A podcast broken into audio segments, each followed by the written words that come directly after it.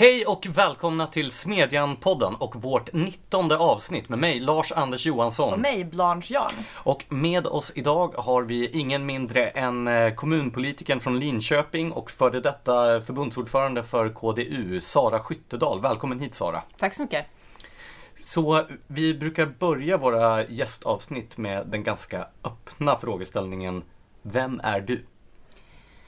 Det är en väldigt bra fråga. Och eh, jag kan väl säga att jag eh, ofta eh, önskar att jag inte var jag.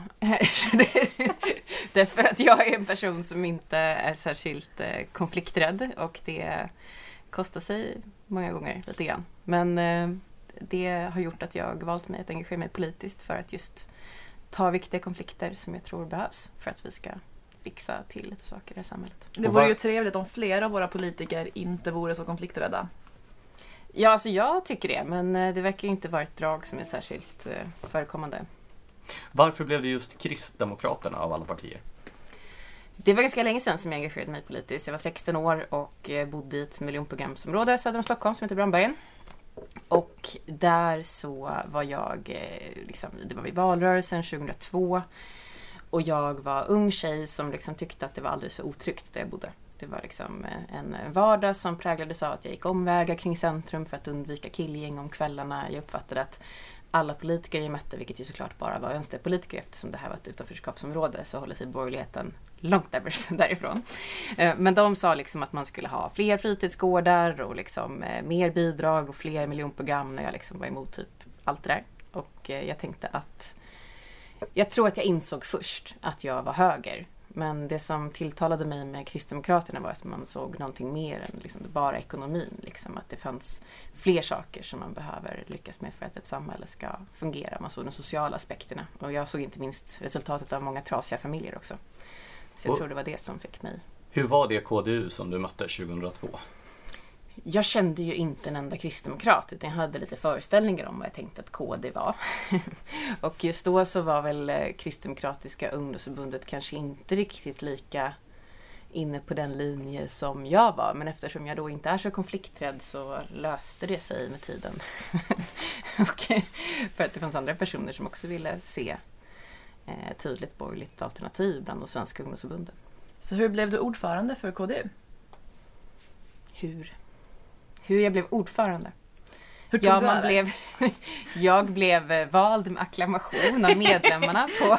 Det var liksom sent som det är nu, eller känner jag mig lite aspig här, men alltså... Så, Alltså jag vill ju ha en det House till. of Cards historia. Nej, det, det var liksom inte sådär jättekontroversiellt att jag blev förbundsordförande för KDU när det väl hände.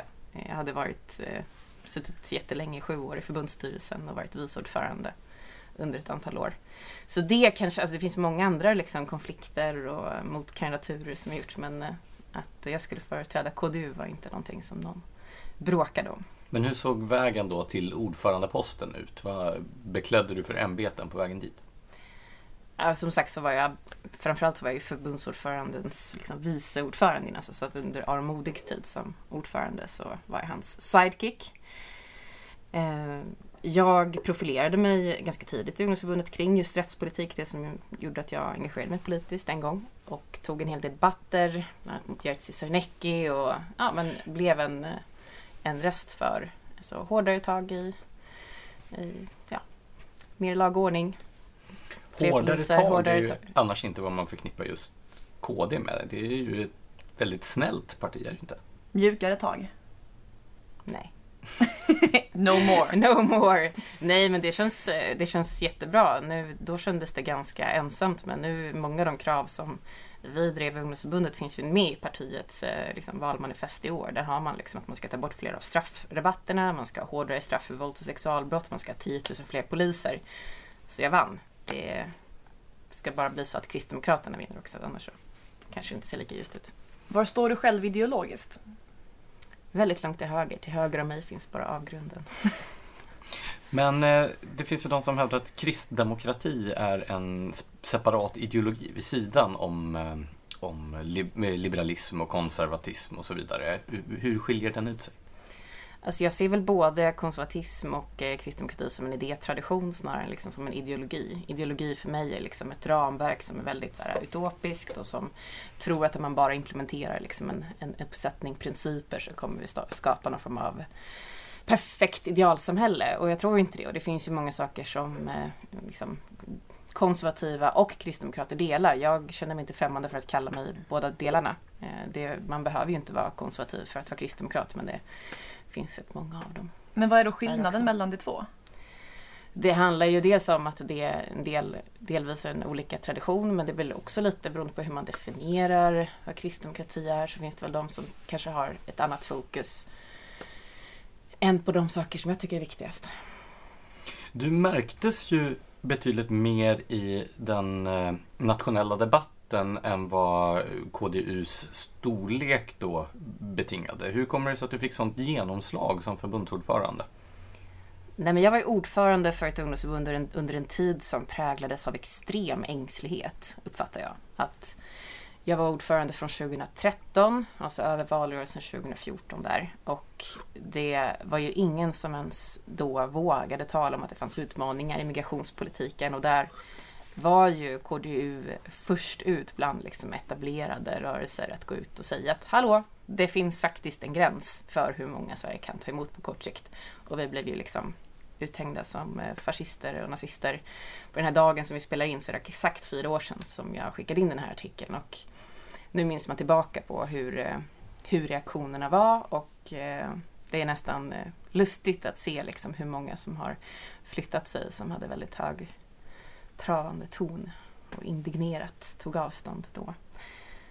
KDU hade ju, alltså vi, om det var någonstans jag kände ett starkt stöd så var det hos mitt eget ungdomsförbund. Det var ingen liksom som inte backade. Och det var ju för att vi hade under en lång tid varit liksom ett det tydligt, tydligt borgerligt, borgerliga alternativet i svensk politik. Och partiet då? Kände du backning därifrån också? Inte först. Det var ju en diskussion som vi hade fört internt i partiet först för att vi tyckte att partiet skulle driva den här frågan inför valet.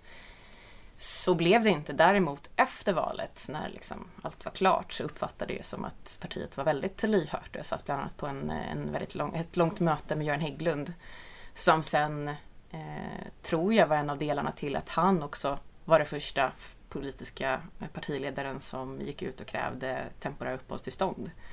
Så jag uppfattade det som att vi de facto hade väldigt stor påverkan för partiet men just där och då så var det inte så att eh, alla slöt upp utan det var ju ganska jobbigt att någon två veckor innan valet eh, tog upp migrationsfrågan som ju var liksom tankeförbud kring i stort sett.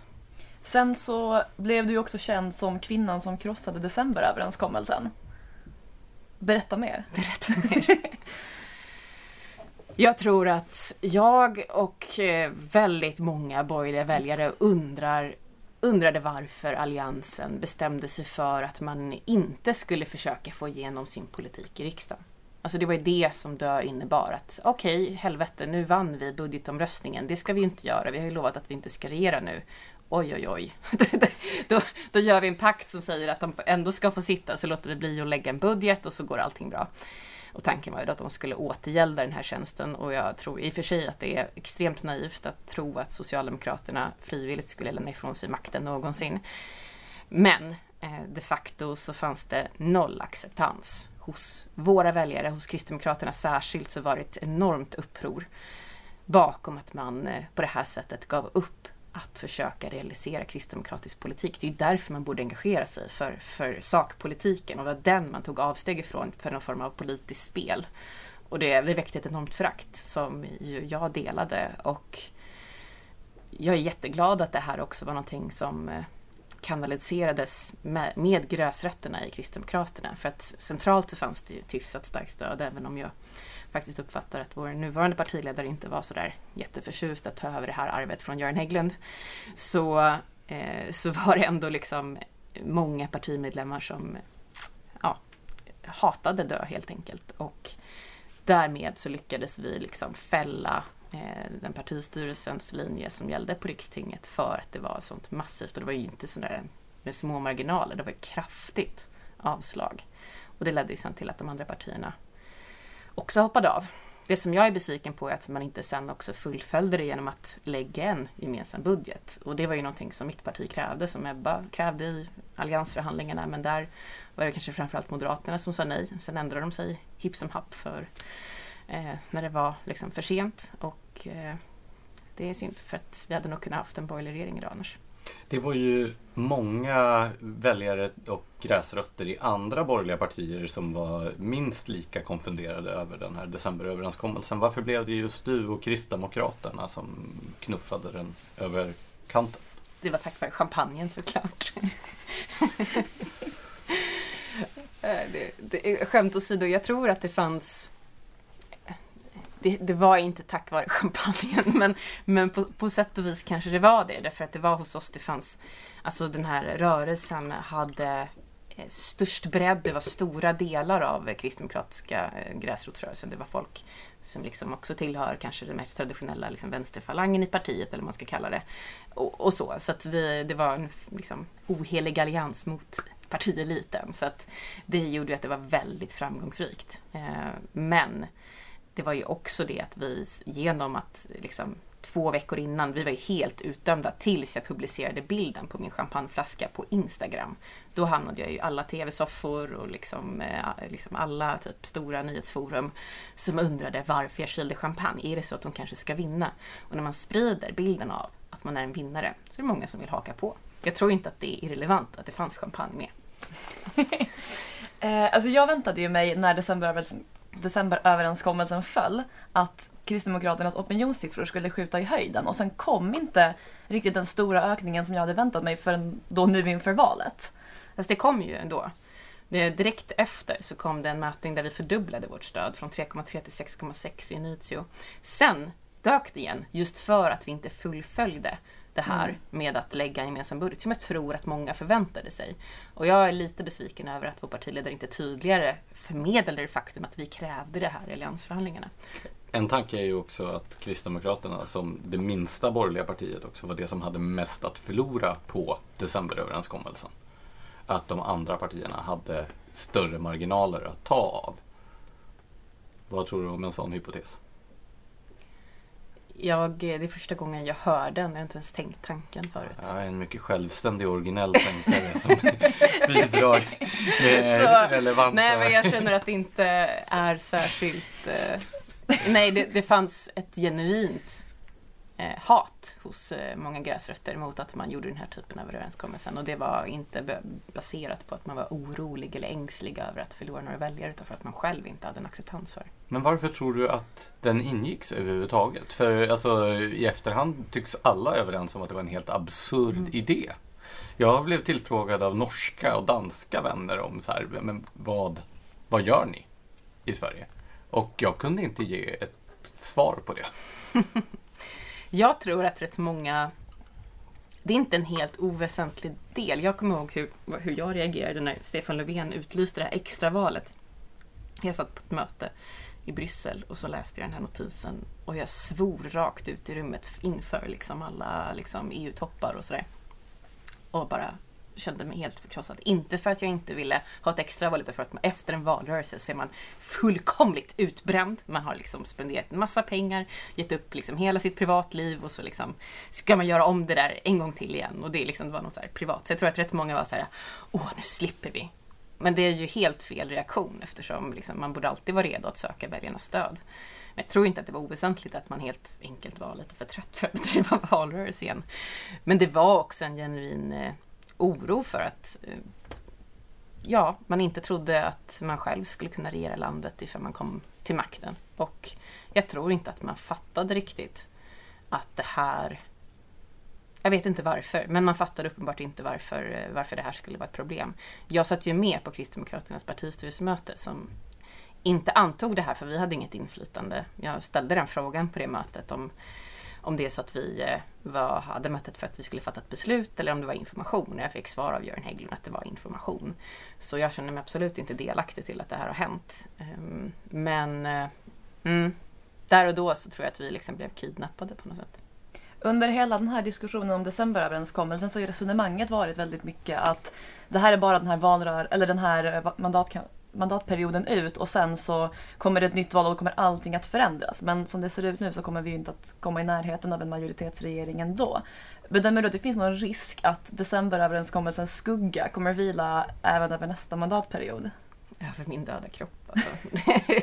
det, Nej, det tror jag inte är aktuellt. Jag tror också att det finns väldigt lite förståelse framförallt hos eh, Kristdemokraterna och Moderaternas väljare att man skulle göra det. Och eh, är det så att det finns ett så stort missnöje där och dessutom inte några signaler från ledningen att det skulle ske på något sådant sätt så ser jag inte att det är möjligt att det skulle kunna upprättas något liknande igen. Jag tänkte att vi ska strax gå över och dissekera Kristdemokraterna, vad det är för ett parti egentligen. Men eh, först då några återstående så här personliga frågor. Det, har du överhuvudtaget några intressen utanför politiken? Det har jag. Jag tycker väldigt mycket om eh, eh, träning. Jag lägger, det är väl det jag lägger mest tid på utanför politiken, kanske normalt sett. Det är någonting som jag fokuserar mentalt på andra saker. Jag har ju varit spinninginstruktör, klättrar en del. Stämmer det att du på dina spinningpass spelar Raubtier? Nej, men Rammstein. det är industrimetal men inte riktigt lika politiskt inkorrekt. men jag spelar alltid eh, något tyskt inslag på varje spinningpass. Det är min, mitt signum. Men eh, nu har jag inte blivit så mycket. Sen tycker jag om matlagning. Käka på restaurang spenderar alldeles för stor del av min, eh, mina inkomster på mat. Men ja, så är det. Och vad planerar du att göra efter politiken? Jag tänker att jag ska göra någonting som känns meningsfullt för mig. Jag har jobbat med massa andra saker innan politiken också. Eh, det är bara de senaste, vad blir det, fyra, fyra fem åren som jag har varit heltidsarvoderad och innan har jag jobbat med andra saker. Framförallt med säljledning och marknadsföring och kan man sälja så har man aldrig något problem att försörja sig, har jag lärt mig. Så det är nog inget problem. Om du innan du lämnar politiken skulle bli statsminister? Aldrig, nej, nej, nej. Jo men Sluta. bara som ett tankeexperiment. Det kommer något, kommer något bra här. Vilken myndighet lägger du ner först? Det är en bra grej. Ja, det tror jag inte man behöver vara statsminister för att ha inflytande över. Men Arbetsförmedlingen skulle jag gärna ta ner. Mm. Ska vi då närma oss Kristdemokraterna? Mm. Jag höll på att säga elefanten i rummet, men det är ju inte Det känns riktigt. inte riktigt. Det var väl Jimmy Åkesson som var det, fick jag lära mig på någon Man kan väl inte ha ensamrätt på att vara... Nej, men, Chris... Nej, men Anna Kinberg Batra har också varit elefanten ja, i rummet. Ja, exakt. Det är ja, många det är som... En rosa elefant var hon dessutom, mm. jag var och såg föreställningen. Nej, men Kristdemokraterna är ju ett väldigt besynnerligt parti om man tittar på det utifrån. Partiet har i, är det tre eller fyra valrörelser nu, flörtat med konservativa väljare och sen varenda gång misslyckats med att då driva hem den här flörten. Det är ju, hur, ehm, hur ser oddsen ut nu? Är det, vad är det för typ av parti som går till val? Jag skulle säga att det är ett parti som, jag skulle inte dela riktigt den här bilden av att eh, partiet ständigt sviker konservativa väljare. Jag vet att mitt parti är, har varit garanten för att inte massa eh, politisk klåfingrighet har styrt sig in i liksom allianspolitiken, särskilt under regeringsperioden. Så att jag eh, man kan vara trygg om man är konservativ och röstar på KD. Men absolut, det har ju varit en otydlighet om vad det här partiet står för. Det har funnits eh, företrädare som har lite olika bild på vad partiet ska profilera sig inom. Men jag uppfattar det som att det här blir ett allt mindre problem och att vi faktiskt är mer enade än någonsin. Och jag hoppas att det också är anledningen till att vi nu ser att det eh, blir en del framgångar. Vi har ju opinionsmätningar nu inför valet som ser riktigt bra ut faktiskt. Vi har ju varit ett parti som har backat varje val sedan 1998. Då hade vi 11,8 procent och så är det stadigt ner. Så att tangentens riktning är egentligen att vi åker ur. Så att vända den trenden är ju eh, enormt stort. Så jag hoppas att vi gör det. Det ser så ut och jag tror att det handlar om att nu, nu börjar det bli lite mera sammanhållet. Och vi har ju en ledning också, en politiska företrädare som är kanske lite mer synkroniserade än förut. Jag har ju sett kristdemokrater kampanja enligt linjen eh, utan oss kan inte bilda regering, så, så här, you better keep us liksom. Eh, men vad är KDs roll förutom det i Alliansen? Alltså KDs roll i Alliansen är betydligt större än det, men jag vill inte så att säga förringa det här. För att just nu så har, vi ser vad som hände under den här mandatperioden, så har de andra borgerliga partierna, eller allianspartierna kanske man ska kalla det egentligen, har eh, har verkligen backat från att bedriva oppositionspolitik och Kristdemokraterna har varit jävligt ensamma om att försöka realisera det. Liksom, borgerlig politik att tillträda. Så att vi är liksom garanten för att det inte blir någon ny dö, att vi inte låter Stefan Löfven re eh, regera vidare. Och liksom, så länge vi finns med så ser de där eh, siffrorna ut att spela till eh, borgerliga väljares fördel. Men vi var också det parti som säkerställde att bland annat att inte familjen fick mer klåfingriga liksom, händer från så kallade liberaler som tycker att det är viktigare att man lever enligt deras ideal än att människor får välja helt fritt. Eh, och eh, jag tror, eh, jag tror faktiskt att folk tar lite för givet att eh, många av de här principerna ska leva kvar liksom, hos, hos andra partier när, när vi faktiskt är ofta ensamma om att stå, stå för liksom, valfrihet fullt ut. Jag noterade att du nyss sa de borgerliga partierna och sen backade och sa allianspartierna kanske man borde kalla dem. Vad döljer sig där? Alltså det är väl mer att jag observerat att eh, framförallt centerpartister och liberaler inte känner sig bekväma med att bli kallade borgerliga partier. Så jag tänkte vara lite respektfull här helt enkelt. Det var väldigt fint av dig. ja, eller hur? Varför tror du att tangentens riktning har varit neråt sedan 98? Varför tappar KD väljare? Eh, nu, nu kommer det här låta väldigt makabert. Jag tror inte att vi har tappat så många väljare. Jag tror att de har dött. Så då blir den naturliga följdfrågan varför lyckas ni inte rekrytera unga? Om nu KDU ändå har varit en så framträdande kraft. Mm. Jag tror att det är det som man nu eh, börjar göra. Vi såg en sån liten trend förra valet redan. Att, vi, att partiet backade egentligen liksom mycket större andel annars. Vi dubblade vårt stöd förra valet hos förstagångsväljarna. Det var ju från ett extremt lågt resultat men likväl så var det ett tydligt trendbrott.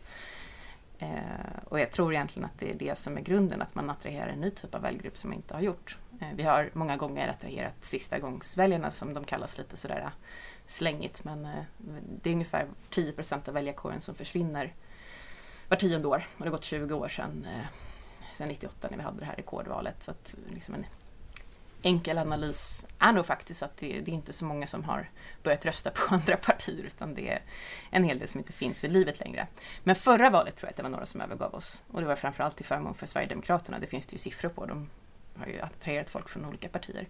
Och det var ju för att man inte såg att etablerade partier tog väljarna på allvar, tog frågorna på allvar och trodde att man kunde liksom bullshitta sig genom en valrörelse. Det straffade sig för alla partier. Har ni någon chans, tror du, att vinna tillbaka väljarna som gick till Sverigedemokraterna?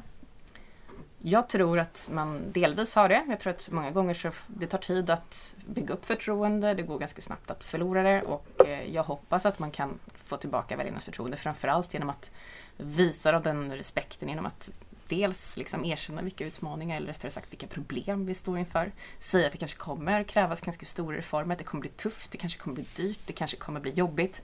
Men vi är beredda att möta det, visa handlingskraft istället för bara liksom använda sig av massa liksom fina one-liners och prata liksom om eh, alltså massa tomma ord. Man, man ser igenom det där och liksom den tid är förbi där liksom medietränade, finslipade politiker var det som eh, gick hem. Det man längtar efter nu är äkthet och liksom autenticitet. Och det är liksom motsatsen till det som fick råda fram, innan 2014 framförallt. KDU är ju oproportionerligt stort i förhållande till moderpartiet om man jämför hur motsvarande förhållande ser ut bland andra borgerliga partier. Jag tänker framförallt då på C och L. Vad är det som gör då att KDU har en förmåga att locka medlemmar men partiet har inte en förmåga att locka unga väljare i samma utsträckning? Som sagt, förra valet så lyckades ju partiet locka en hel del unga väljare just för, och jag tror att det var för att KDU då eh, gjorde ett väldigt bra arbete. Nu är jag väldigt självgod som du är som ledde KDU då, men, men, men, men så var det. Vi är emot men, jantelagen på Timbro. Ja, men det är bra. Nu ska vi se, vad var frågan nu igen? Nu blir lite jo, varför inte partiet är lika bra på att locka unga väljare som ungdomsförbundet har varit att locka unga medlemmar? Jag tror att det var väldigt tydligt för folk, eh, om man var borgerligt sinnad och vägde mellan de olika ungdomsförbunden, att man såg att det inte var något av de andra som stod för, eh, för borgerliga principer överhuvudtaget. Att Moderata ungdomsförbundet helt hade gjort, liksom, när, när Nya Moderaterna fanns så blev man liksom extrema Nya Moderaterna. Liksom. Det fanns ingenting kvar av det, de forna liberalkonservativa liksom, idéerna. Så att, um, det gjorde ju att kontrasten blev kanske som allra tydligast Eh, bland eh, i den här trianguleringstiden bland ungdomsförbunden.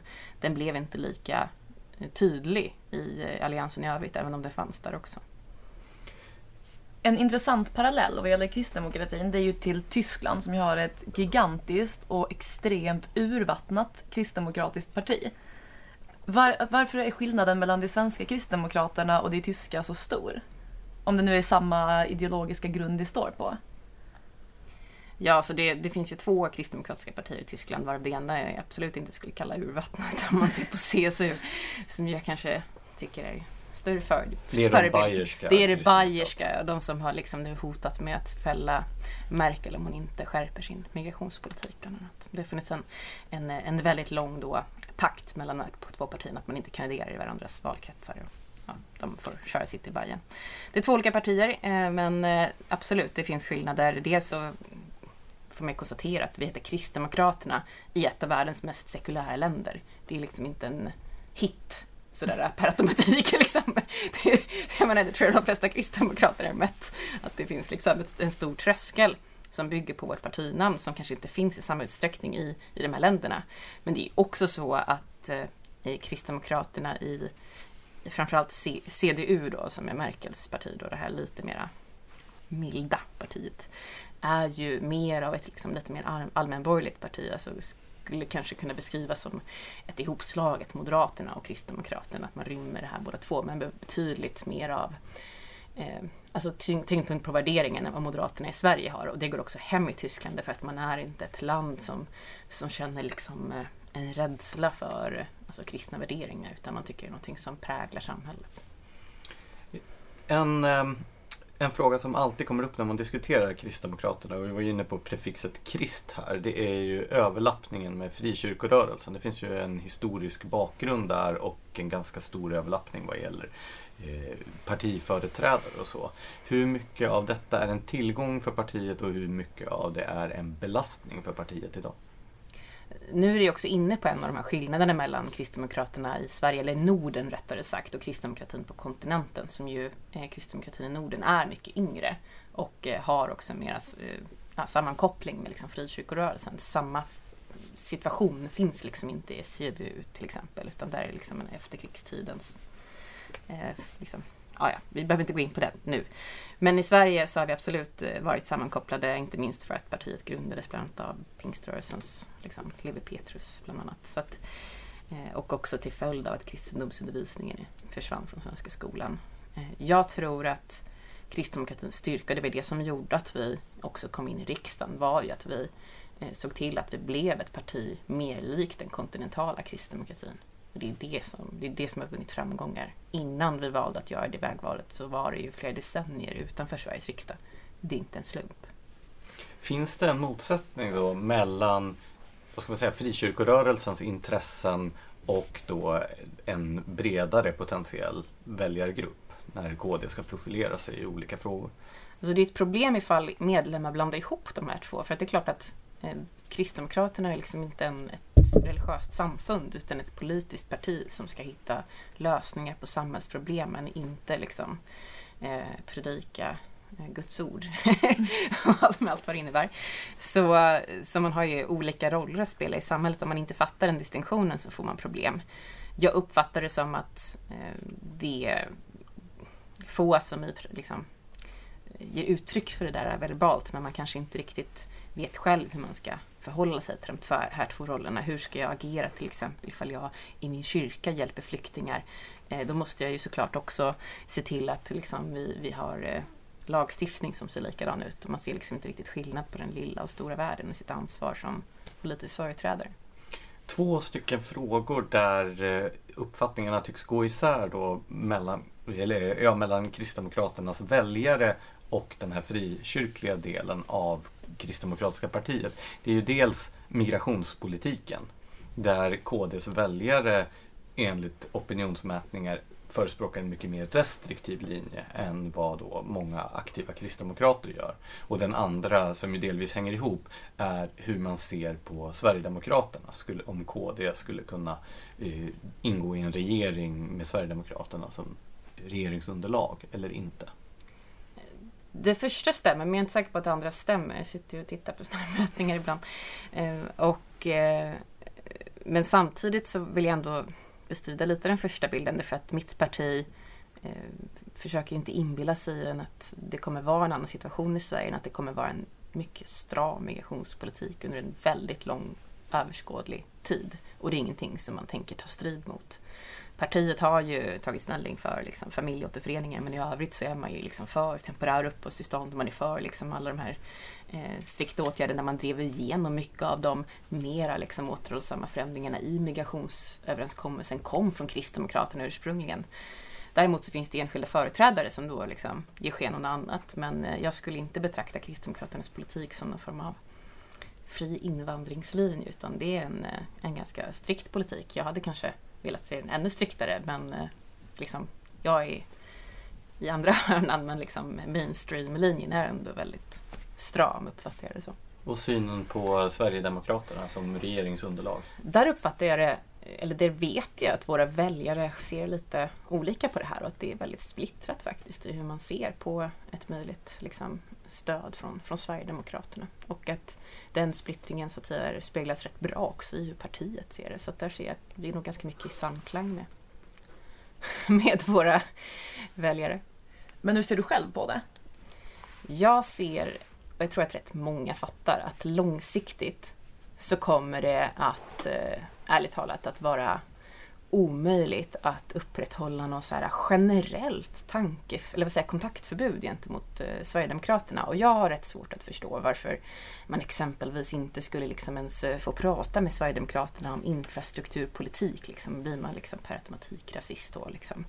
Och det här liksom, snacket om att man ska ha så mycket vuxna i rummet men man får inte prata med varandra. Liksom. Det, jag köper inte det, jag tror inte att väljarna gör det heller. Nu eh, ser det som extremt eh, osannolikt och olämpligt att Sverigedemokraterna skulle ingå i en regering. De har inte företrädare som är mogna överhuvudtaget att sitta som liksom, ministrar i en svensk regering. Men, eh, men eh, liksom, jag tycker inte att Kristdemokraternas politik eh, blir sämre för att den skulle få stöd av eh, Sverigedemokraterna. Att vi skulle ha en större chans att vi har ett större stöd i Sveriges riksdag för reformer som är bra för Sverige. Det gör inte reformerna sämre, det gör det liksom... Det är bra. Det är bra nyheter. Liksom. Jag, jag fattar inte det här. Jag tror också att det är uppenbart att borgerligheten har låtit sig blivit shamead av socialdemokrati som är livrädd för att förlora makten. Och man har köpt liksom, den här bilden trots att statsministern själv säger tydligt att liksom, ja, ifall eh, Alliansen tar passivt stöd av SD så är det i princip liksom avgrunden. Men om man själv skulle göra det är det att ta ansvar för Sverige. Alltså det är dags att någon synar det här hyckleriet. Liksom. Vi behöver ju även eh, ta tag i den här frågan om att du nu är misstänkt vapenbrottsling. Vad, eh, hur gick det till? Ja, det var, det, det, var bara en ren miss alltså. Jag reflekterade inte ens över att jag liksom eh, gick in i ett annat lands territorium. Man gör ju sällan det när man liksom åker på Öresundsbron för att flyga från Malmö. Eh, eller flyga från, från Kastrup eftersom man har varit i Malmö. Men jag hade en försvarsspray med mig som jag har eh, med mig jämt, som jag fått av mitt parti. Förut. Som du har med dig nu? Som jag har med mig nu, inte samma eftersom det beslagtogs av den eh, danska säkerhetspersonalen. Men jag har fler så att man kan inte tro att jag går runt obeväpnad nu bara för det. Sara ser väldigt hotfull ut här just nu. Dessutom vill jag bara säga till våra lyssnare. Det är för att Smedjans redaktion är en så farlig miljö. så jag känner mig inte trygg på Timbro.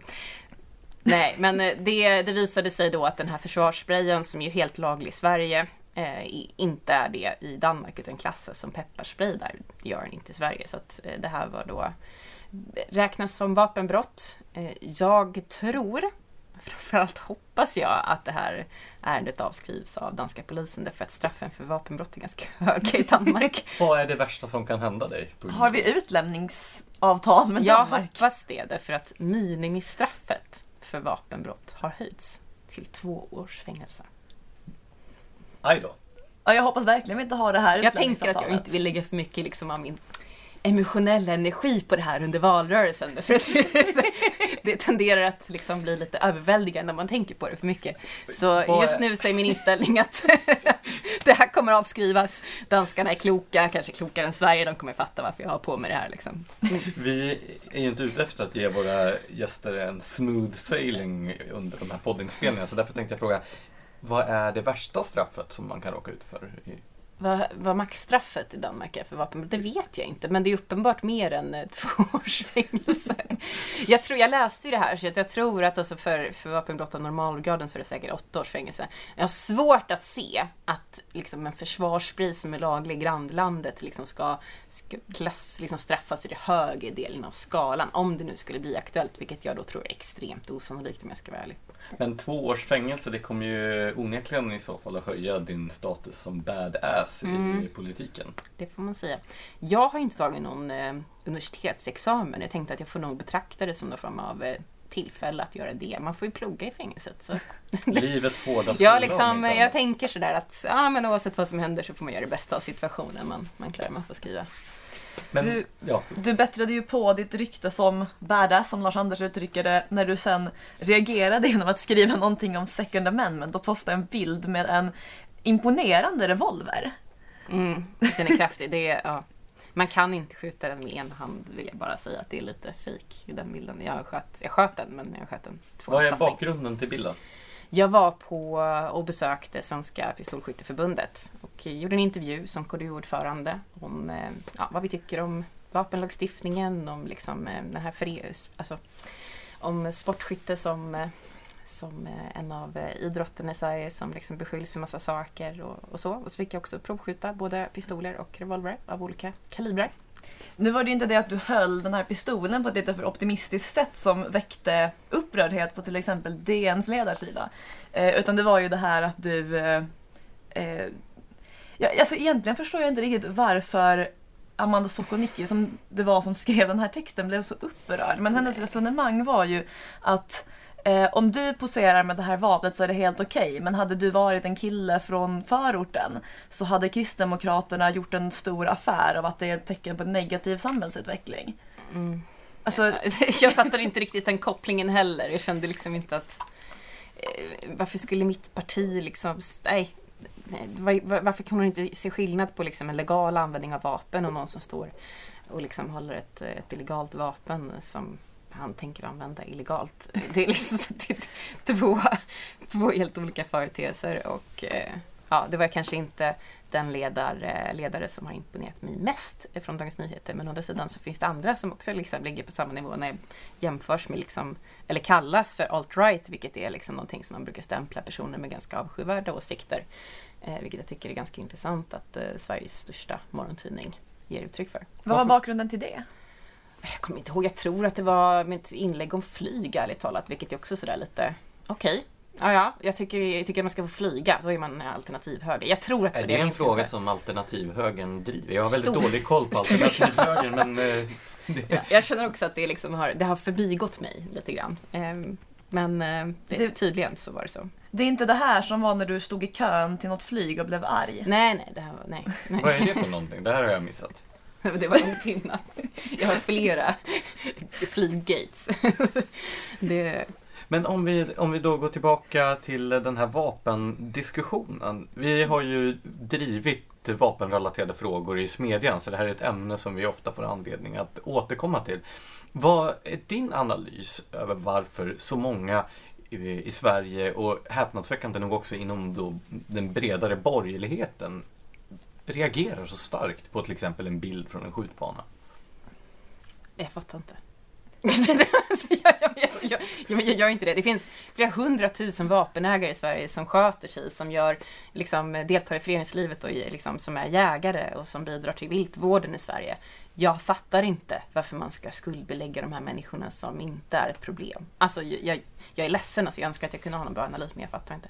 Jag gör inte det. Jag tror det har att göra med att alltså, skytte är inte en jättesynlig sport. Alltså, man, man åker ju liksom en bit ut till en skjutbana, utövar den och så.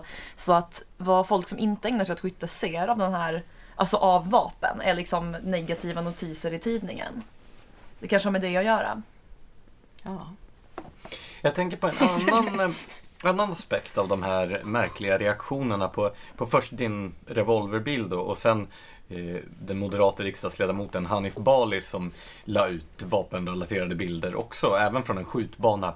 Eh, som självaste Jan Björklund gick i taket över. Och där funderar jag på det här, det pågår ju en valrörelse nu och allianspartierna påstår att de då går till val som ett regeringsalternativ. Varför verkar det som att både på liberala ledarsidor och från själva partiledaren för Liberalerna så är det så angeläget då att angripa kristdemokrater och moderater för totala nonsenssaker?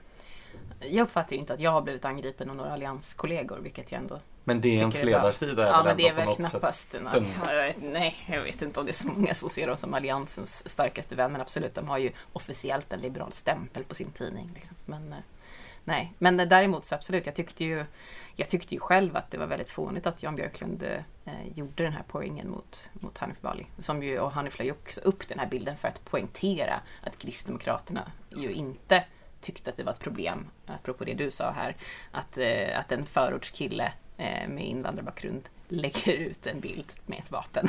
Vilket ju då inte Kristdemokraterna hade någon synpunkt på, utan det var ju bara Liberalernas Jan Björklund. Så man har väl, eh, uppenbart så har man eh, problem för liksom Hanif Bali, han, har, han är ju liksom en, ska man säga, han, han är ett eget vallokomotiv för sig liksom och det kanske provocerar många.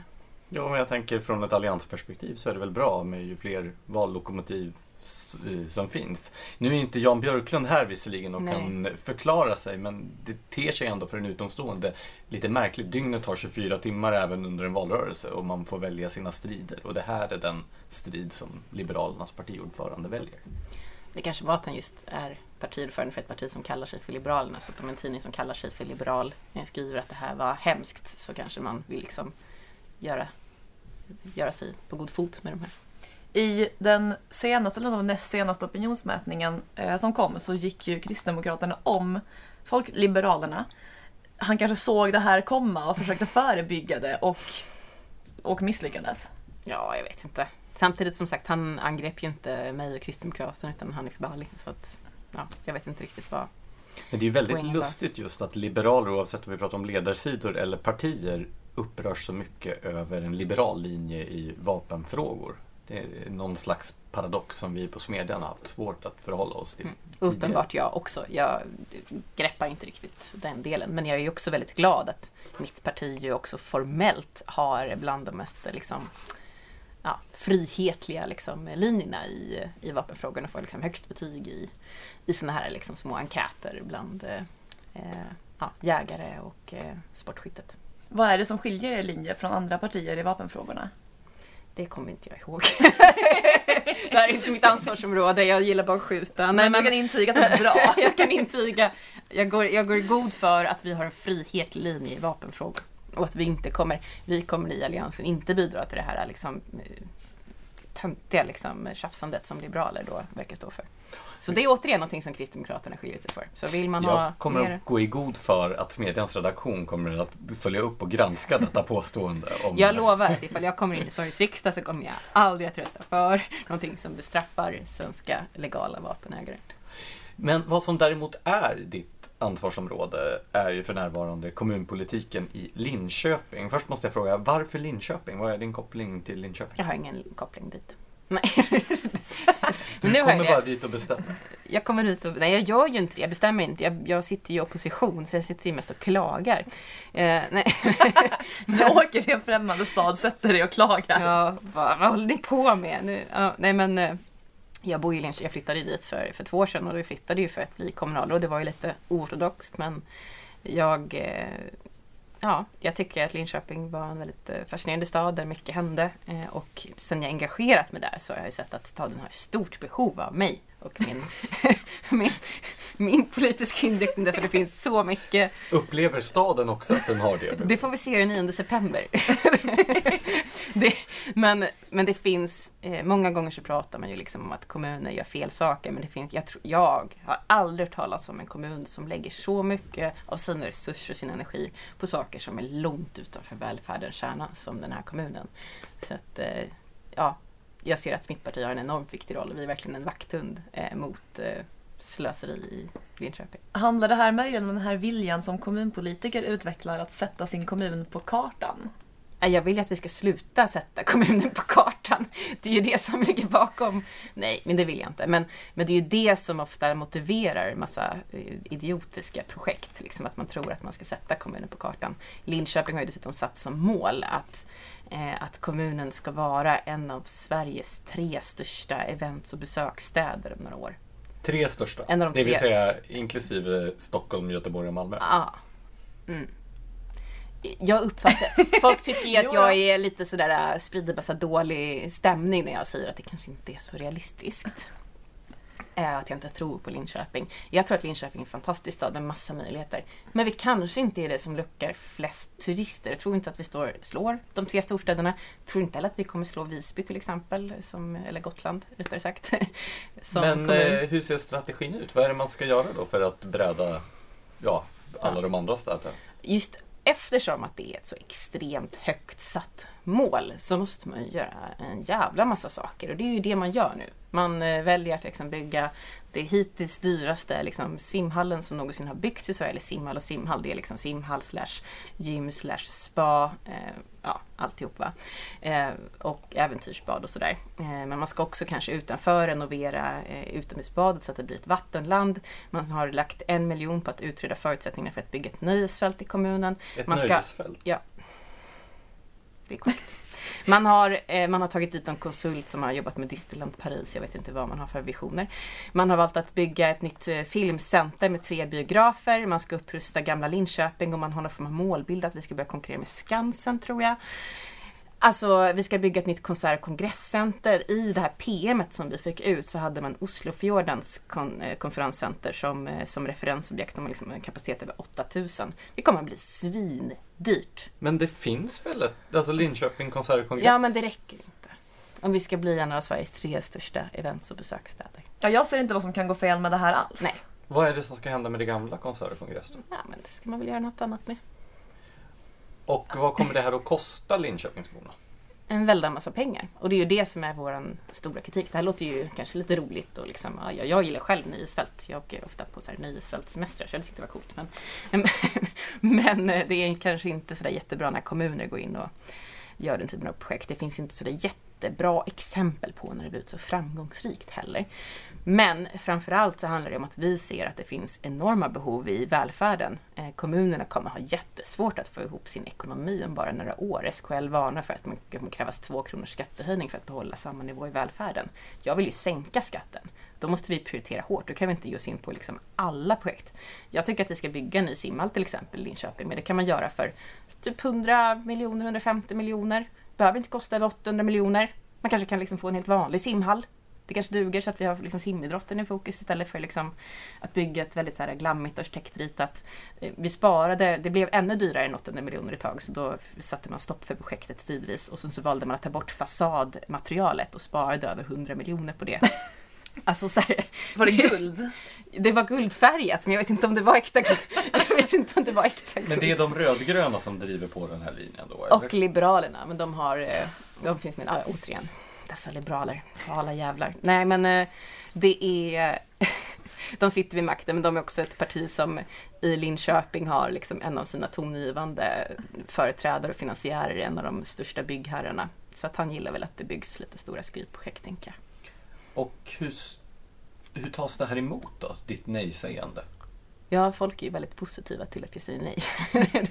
jag tror att de ser att vi tar väljarna på allvar. Att vi inte liksom lovar, går till val på så att vi är de som har lovar flest liksom, med idrottshallar, utan vi, eh, vi ser att vi måste prioritera välfärdens kärna, att vi har löften som vi tror att vi kan hålla och som liksom människor jag tror om man frågar i alla fall borgerligt sinnade så ser man att politiken, att alltså staten och det offentliga har uppgifter, men det är inte alla uppgifter. Och när vi lägger fokus på det samtidigt som vi gör en ganska kraftig skattesänkning, vårt budgetalternativ, vi sänker ju skatten med en krona vilket är ganska stort i kommun-Sveriges termer. Ehm, och vi gör ju det utan att tumma på välfärden. Alltså på, när det gäller liksom skola, äldreomsorg, barnomsorg, alla de nämnderna så har vi faktiskt mer resurser i ramen än vad den här vänstermajoriteten har. Men alltså jag måste bara försöka förstå det här kommunala skrytprojekten. Mm. Alltså tänker man sig verkligen att man i sin så här medelstora svenska stad ska locka horder av människor till ett äventyrsbad? Alltså som verkligen åker dit och här bor i staden bara för att bada där.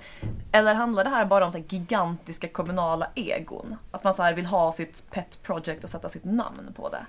Jag tror att det finns massa saker som driver. Man tror, många gånger så tror jag att man inbillar sig, man är lite fast i sin bubbla och liksom man pratar med massa ja-sägare runt omkring så jag är inte så van att träffa nej-sägare som mig. Och alla är så positiva. Vi har liksom en VD för vårt eventbolag som tror liksom att vi ska bli, ja, jag vet inte, helt grandiosa. Eh, men det är ju massa saker, man är ju också väldigt mot kommersiella liksom, aktörer. Det är det som är problemet också. Att det finns ju massa sätt man kan göra för att öka liksom, eh, turismen till en stad. Man kan göra det lättare för restauranger att etablera sig. Linköping är känt som en, en, en stad där det är jättesvårt att få serveringstillstånd och där liksom, det får massa petnoga detaljer om hur liksom, uteserveringen ska se ut. Man måste ha liksom, ett grönt staket för att få uteservering av någon jävla anledning. Det, Va? ja, men det, det är massa så här, regler och byråkrati som hindrar privata investeringar och etableringar. Samtidigt som man nu då, eh, trots att det kommit en jättestor, alltså rekordetablering av ett en, en vatten, äventy, äventyrsvattenland i grannkommunen Motala, så har det varit en privat investerare från Danmark, Lalandia, de har massa vattenparker i Danmark. De ska bygga ett stort vattenland privat i Motala. Men det gör inte att Linköping bara, men, Men det kanske vi ska... det fan- Linköping. Ja, det går jättebra. Och då, då kanske man ska så här, dra i bromsen bara, okej, det kanske inte vi också behöver bygga ett äventyrsbad. Då kanske det är så att vi kan, ja, Linköpingsborna kanske kan åka de här minuterna dit istället. Och så kan vi lägga fokus på att bygga en simhall som fyller liksom föreningslivets behov.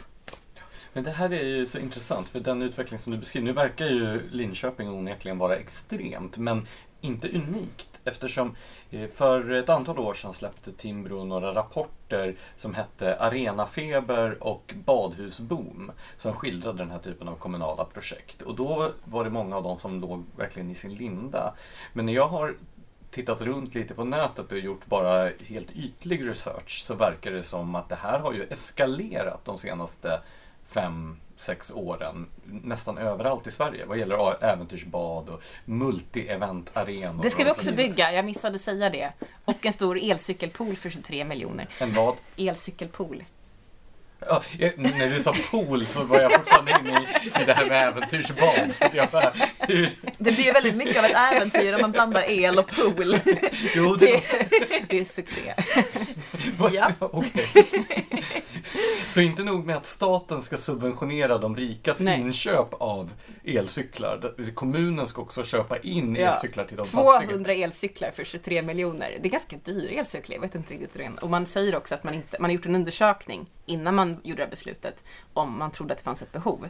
Den undersökningen visade att det inte fanns ett behov. det var inte ett stort intresse. Man tyckte Miljöpartiet ändå var viktigt för att signalera att det gick att cykla.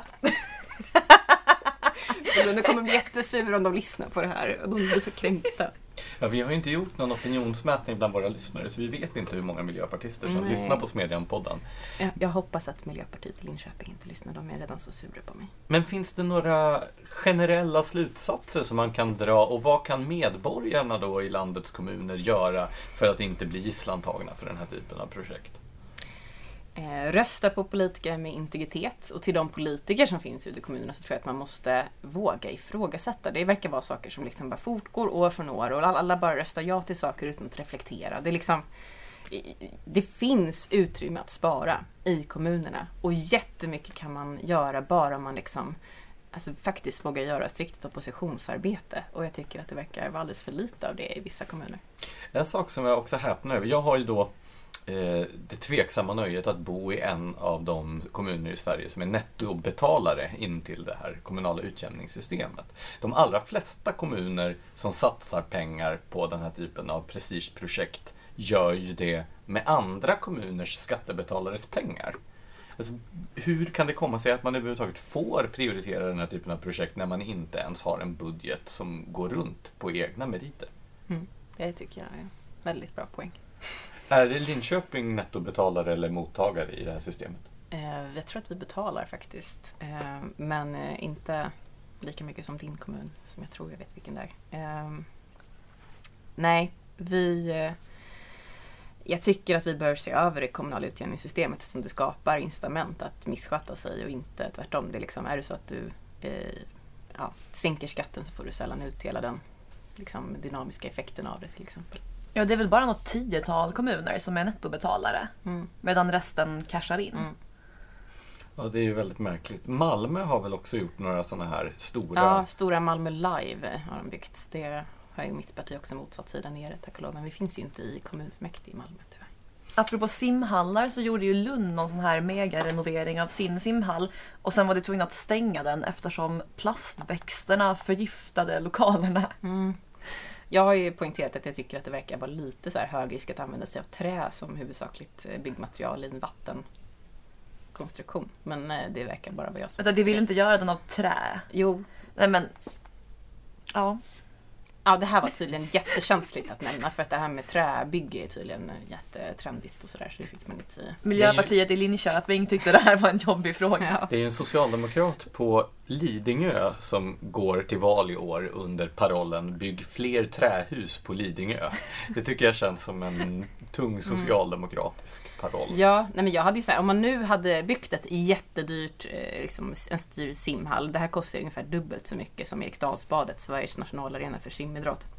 Då hade det ju varit rimligare att inte bygga ett helt typ i sten, bygga som de här liksom, stora grandiosa baden i, i Ungern liksom, som ser ut som palats. Det hade ju varit ett groteskt slöseri det med, men det hade ju liksom funnits lite så här beständighet i det över liksom några århundraden. Liksom. är Det finns en risk att DNs ledarsida kommer att ta upp det här att du framhåller Ungern. Ungern som ett föredöme. Gud. Men det är från dubbelmonarkins tid vill jag säga. Nej men, Ja men då så. nej, men så här. Eh, nu ska vi se, vad skulle jag säga? De, de här pengarna som man nu lägger på simhallen. Jag satt och räknade. Det hade kunnat räcka till att man hade gett var sjunde hushåll i Linköping varsin swimmingpool. Det hade ju också varit jättekorkat. Men det hade ju varit mer för att sätta kommunen på kartan om det är det som är viktigt. Att liksom, ja, men typ varje kvarter få en egen swimmingpool, flytta till Linköping. Det tror jag hade varit mera selling point. Ja, Nej, ja, ja, alltså, jo, jag tror också det. Det hade blivit en jättebra så här, kommunslogan. Så här, var sjunde invånare har en pool. Eh, hur tror du att det kommer att gå i valet då? I Linköping och i riket? Eh, jag hoppas att eh, det går riktigt bra i Linköping därför att eh, vi är ganska ensamma om mycket av det vi driver. Så att om vi ska få igenom det här, även om det blir borgerligt styre, vi är de enda som vill ha en skattesänkning till exempel, då måste vi bli större. Jag tror att vi blir det därför att jag tror att det finns betydligt fler borgerliga väljare som vill se den här typen av politik. Jag drömmer att vi blir största borgerliga parti. Jag kanske inte riktigt når dit, men att vi ökar, det känns självklart. Det låter som att de här megalomana föreställningarna har smittat där i Linköping. Ja, exakt. Nej men nationellt, det ser ju riktigt bra ut nu för Kristdemokraterna i mätningarna. Så att, eh, håller känns i bra. sig. jag tror det. Och vad beror det på? Ni var ju uträknade där ett tag, 2,5 procent i Ja, mätningen. vi brukar ju vara uträknade inför val och sen är vi ett parti som hämtar hem det. Vi är bra på att spurta men jag tycker också att det jag är helt övertygad om att det mesta handlar om att Ebba Busch Thor har gjort sig riktigt bra i debatterna och i utfrågningarna och tar upp frågor som eh, folk känner igen. Hon sätter dit liksom, eh, så- Stefan Löfven för liksom, hans bluff kring liksom, välfärden och eh, jag tror att folk Men har hon inte varit bra tidigare under mandatperioden? hon har uppenbart eh, vässat till sig. Jag tror också att hon fick en trög start i och med att hon hade två föräldraledigheter. Det är inte så konstigt. Alltså, så här, jag, jag tänker inte sitta och beskylla henne liksom, och skuldbelägga henne för det som vissa verkar tycka är relevant. Men det är klart att det påverkar och nu är hon uppenbart i, i sitt esse så att folk ser vad hon går för. Eh, du lyssnar ju på en del hårdare musik. Och vi brukar utsätta våra gäster för ett ställningstagande. Det finns framförallt en konflikt, en latent konflikt mellan Marcus Uvell och Johan Ingerö angående... Alltså det var egentligen Ivar Arpi som satte den här stenen i rullning och sen har det bara fortsatt. Så att, eh, jag tänkte be dig att ta ställning mellan Amon Amart eller eh, Dismember. Jag har ingen som helst åsikt i den här frågan.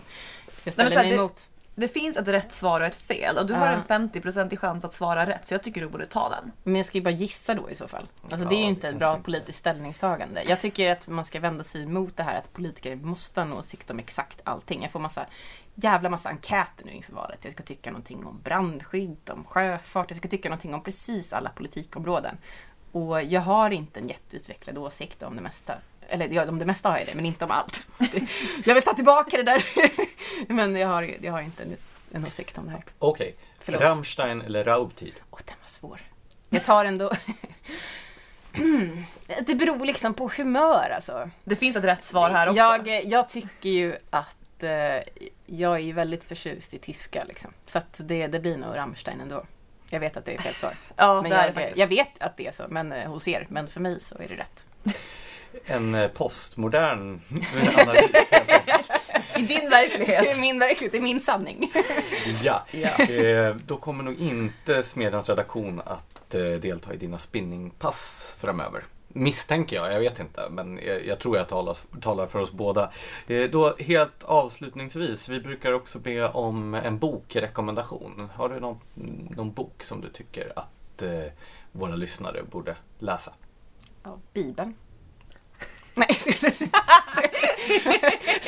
Med, Och med dessa ord. ja, Bibeln alltså. Sara Skyttedal, tack så hemskt mycket för att du gjorde oss sällskap i Smedjan-podden och eh, lycka till i din kamp mot slöseriet i Linköping. Tack så mycket.